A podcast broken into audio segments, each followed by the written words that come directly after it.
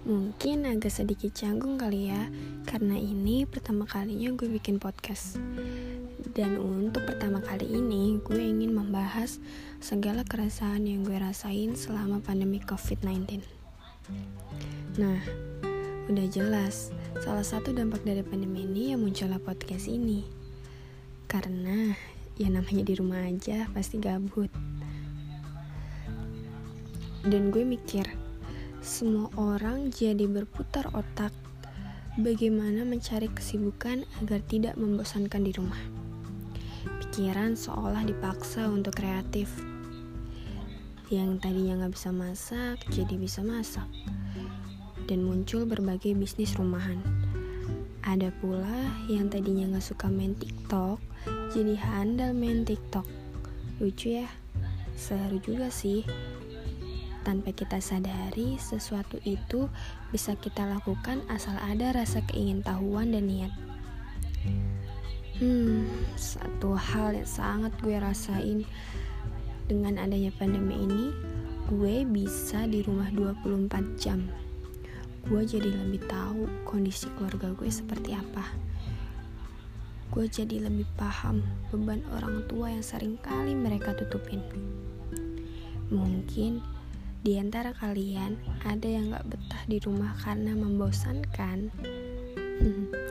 Tapi untuk kalian yang sebelum pandemi ini lebih sering di luar, coba deh gunain waktu ini untuk lebih mendekatkan diri ke keluarga kalian sebelum kalian menyesal di tua nanti. Apalagi untuk kalian anak rantau. Hmm, karena di sini gue juga sebagai mahasiswa dan pandemi ini pun juga berdampak dengan mahasiswa. Jadi gue sedikit menyinggung soal perkuliahan. Perkuliahan mungkin bikin gue agak sedikit gila kali ya dengan sistem daring.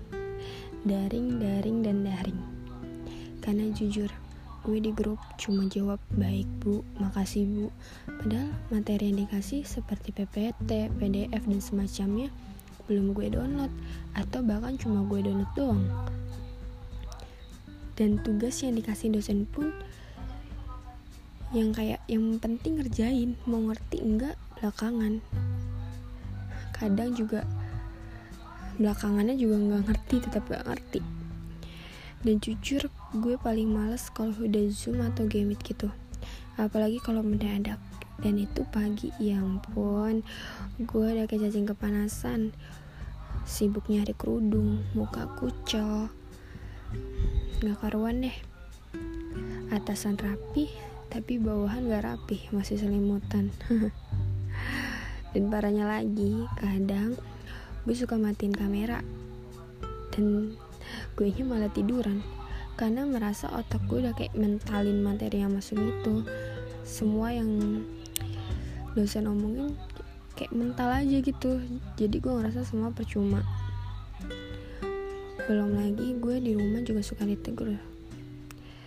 Kalau udah seharian di depan Epi mereka bilang kuliah kok nonstop.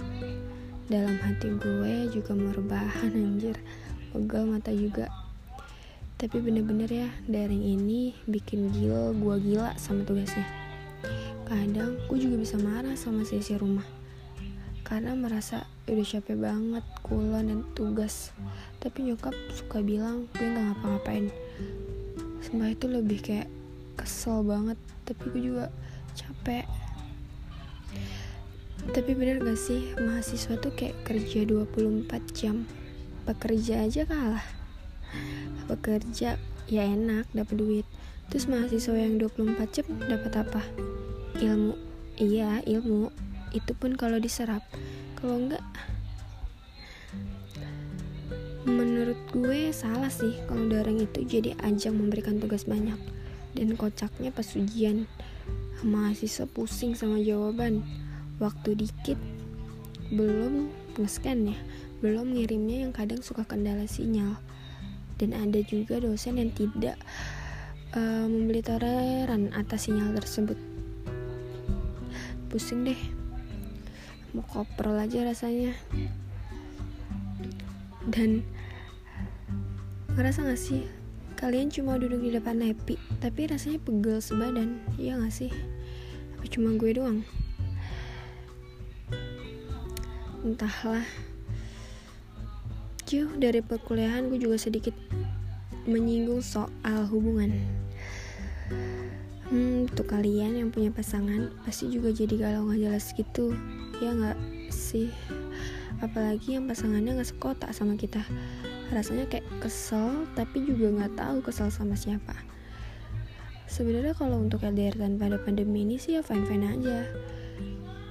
Cuma karena otak kita dipenuhi pikiran pandemi dan segala aktivitas kita juga dibatasin justru hubungan LDR tuh jadi merasa nggak biasa-biasa aja.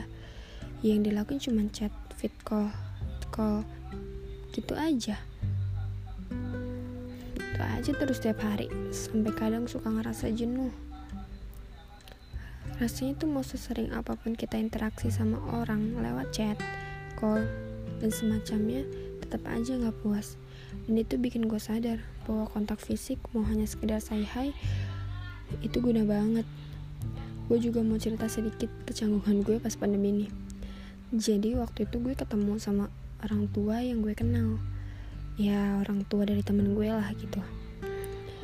Ketemu tuh di jalan dan kita sama-sama kontak mata. Ya nggak mungkin dong kalau gue melengos aja nggak salaman nggak nggak nyapa lah ibaratnya otomatis gue sapa tuh. Dan gak enak juga dong gue nggak salaman sama orang tua gitu. Dan di situ gue canggung banget mau salim atau enggak ya. Kayak hati gue tuh gak nyampe banget kalau sampai nggak salaman. Jadi akhirnya gue mendekat mendekat akhirnya salaman deh. Meskipun dalam hati udahlah namanya niat baik silaturahmi Bismillah aja. Kalian pernah gitu gak sih bingung harus bersikap gimana kalau ketemu orang kayak bertetangan sama hati sendiri. Semua gara-gara covid-19 dan gue cuma berharap keresahan yang sudah semakin berkembang ini selama tiga bulan di rumah segera berakhir. Kasihan pelajar jadi terombak ambing arahnya kalau ini terus berlanjut lama. Dan kasihan hati gue juga butuh disiram dulu ya. See you